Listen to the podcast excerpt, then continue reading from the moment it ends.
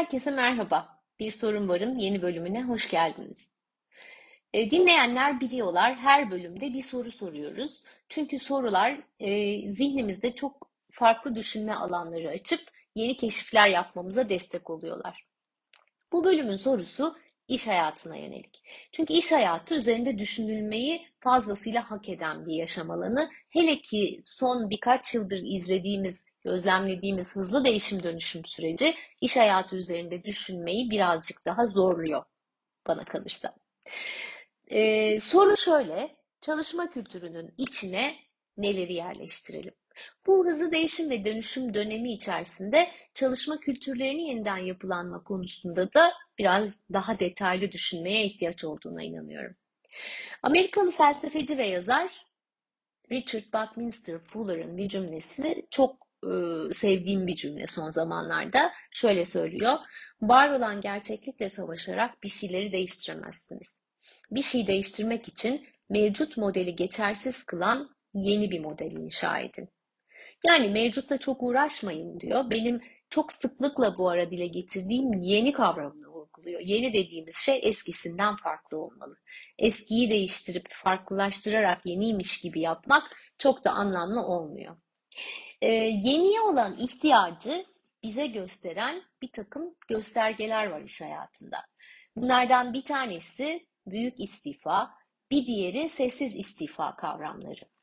Büyük istifa kavramını Amerika'da duymaya başladık. Avrupa'ya yayıldı. Sonra yavaş yavaş ülkemizde de ayak seslerini işitmeye başladık.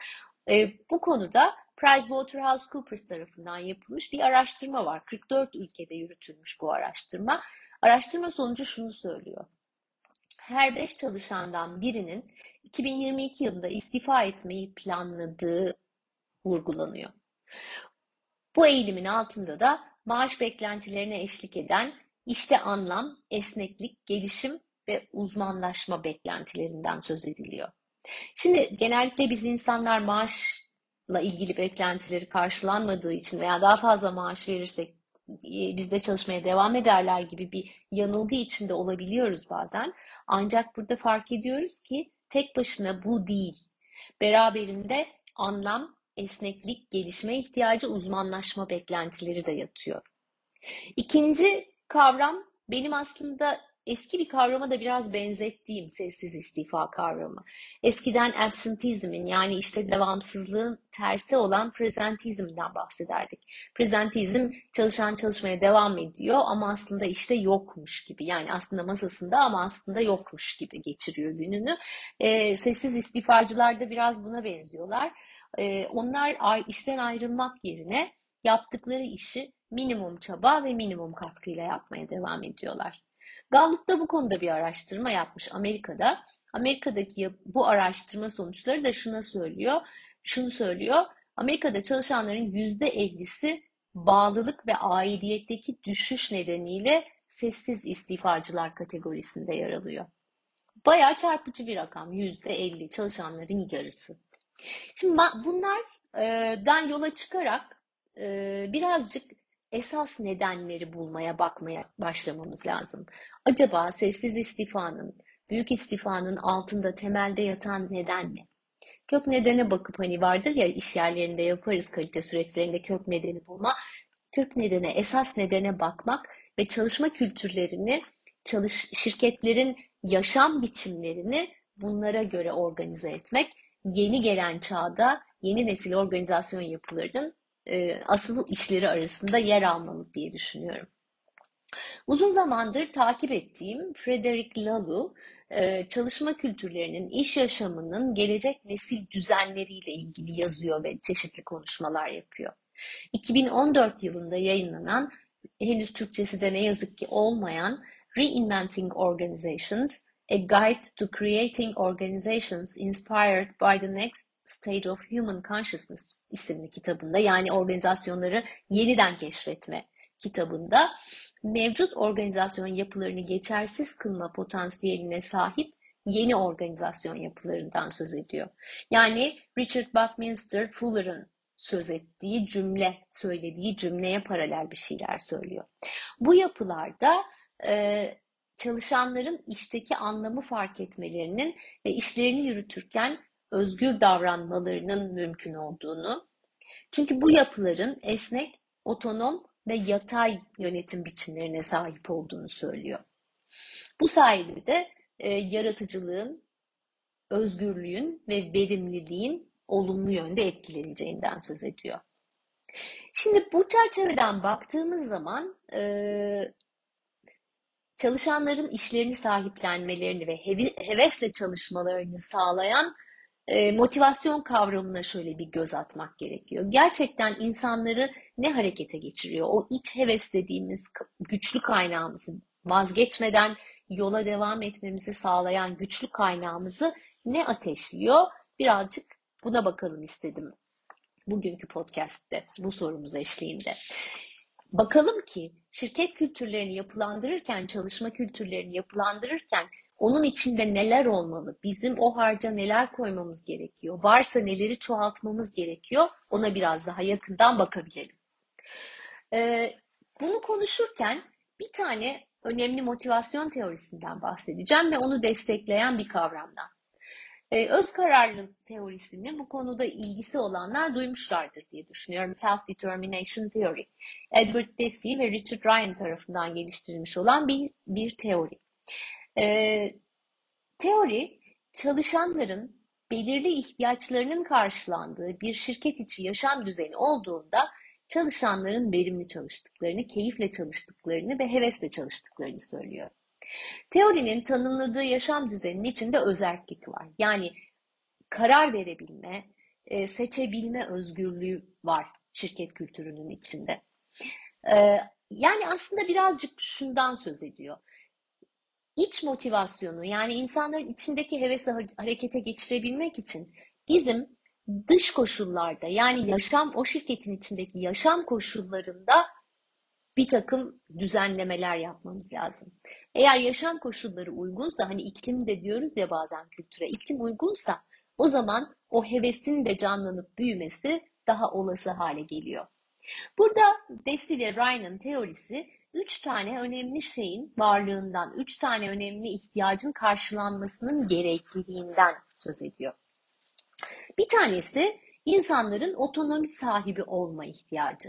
Yani onlara tanımlanan iş yapış çerçevesi içinde yetki sahibi olma, karar verebilme, e, hareket edebilme özgürlüğüne sahip olma ihtiyaçları birincisi. İkincisi e, sorumluluk alanında kalan işler konusunda neyse onlara tanımlanan çerçeve o sorumluluk alanı yetkin ve yeterli olma ihtiyacının karşılanması. Üçüncüsü de güven temelli ilişkiye ihtiyacımız var hepimizin bulunduğumuz her yaşam alanında. Çünkü insan sosyal bir varlık. Güven temelli ilişki kurma ihtiyacının karşılanması. Dolayısıyla Ryan'ın teorisi, teorisi diyor ki bu üç ihtiyaç karşılanıyorsa yani otonomi sahibi olma, esnek ve özgür davranma ihtiyacı, sorumluluk alanında kalan işler konusunda yetkin ve yeterli olma ihtiyacı ve güven temelli ilişkilerin karşılanabilme, kurma ihtiyacının karşılanabilmesi e, çalışanların daha e, hevesle çalışmalarını destekler. Daha sonrasında Deci ve Ryan'ın teorisi üzerinden temel alan bir kavramı ortaya koyuyor Daniel Pink. Çok da sevdiğim bir yazardır kendisi. E, motivasyon 3.0 kavramından söz ediyor. Diyor ki Daniel Pink, e, çalışanların iç motivasyonunu harekete geçirmek için onların otonom yani özerk olmalarını sağlayan, kendilerini yaptıkları işin ustası gibi hissetmelerini kolaylaştıran ve yaptıkları işe yönelik amaç ve anlam farkındalığını destekleyen politikalara ihtiyaç vardır. Bunlar olduğunda çalışanların iç motivasyonları harekete geçer ve onlar heveslere yaptıkları işi sahiplenerek e, çalışırlar. O zaman bu çerçeveden baktığımızda sessiz istifa, büyük istifa gibi kavramları konuşurken onlara eşlik eden uzaktan mı çalıştıralım çalışanlarımızı, hibrit mi çalıştıralım çalışanlarımızı, ofise mi çağıralım geri dönsünleri düşünmeden önce aslında bizim esas istenenin ne olduğuna bakmaya ihtiyacımız var.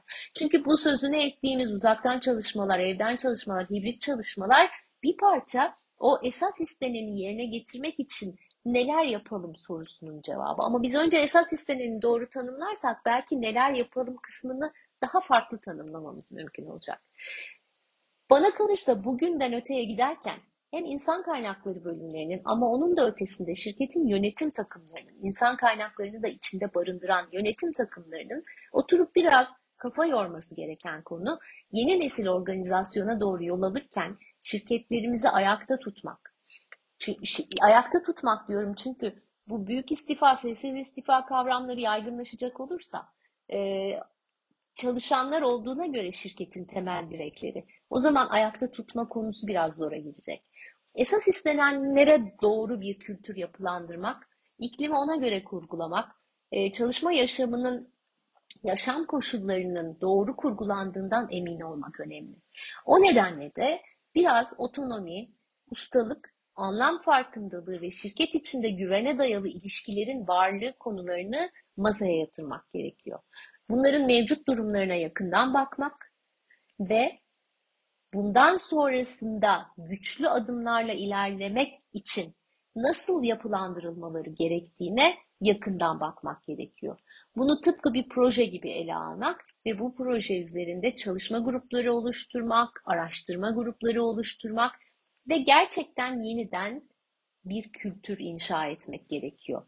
Tıpkı en başta Richard Buckminster Fuller'ın cümlesinde söylediği gibi. Bana kalırsa bugünden geleceğe iş yaşamında değişimle birlikte ilerlerken ve yeni nesile ve yepyeni bir düzene doğru giderken e, bu cümleyi iyi okumak, en başta söylediğim cümleyi iyi okumak ve yeniyi yapılandırmak için bir an önce harekete geçmek gerekiyor. Bilmiyorum bu bölümün sorusu sizlere ne düşündürdü? Beni dinleyenler arasında eminim e, karar verme merciinde olan insanlar da olacaktır. E, acaba çalışma kültürünün içinde neler olmalı bugünden geleceğe? Ben burada birkaç tanesinden söz ettim ve göstergelere iyi bakmamız gerektiğini söyledim. E, o göstergeleri okumak lazım. Hemen onlara göre harekete geçmek yerine onları okumaya, anlamaya zaman ayırmak ve ondan sonra da gerçekten bir strateji oluşturup bir strateji, stratejik düşünme süreci sonrası bir strateji oluşturup yola çıkmak gerektiğini düşünüyorum. Ee, sizlerin de fikirlerinizi, düşüncelerinizi gerçekten merak ediyorum. Ee, hızlı kararlarla hadi hızlı e, esnek çalışalım, hadi hibrit çalışalım demek mi doğru? Yoksa hakikaten geleceğe dönüp yepyeni bir şirket kültürü ve içindeki iklimi oluşturmakla ilgili adımlar atmaya mı başlayalım? Acaba neler düşünüyorsunuz? Duymayı da çok isterim. Evet, bu bölümün de sonuna doğru yaklaşıyoruz. Bir sonraki bölümün sorusu üzerinde ben düşüneceğim önümüzdeki günlerde. Sizlerin de eğer bana soru önerileriniz olursa benimle sosyal medya hesaplarım üzerinden paylaşabilirsiniz. Çok da memnun olurum paylaşırsanız. Bir sonraki bölüme kadar herkese sağlıklı, mutlu ve keyifli günler diliyorum. Tekrar görüşmek üzere. Hoşçakalın.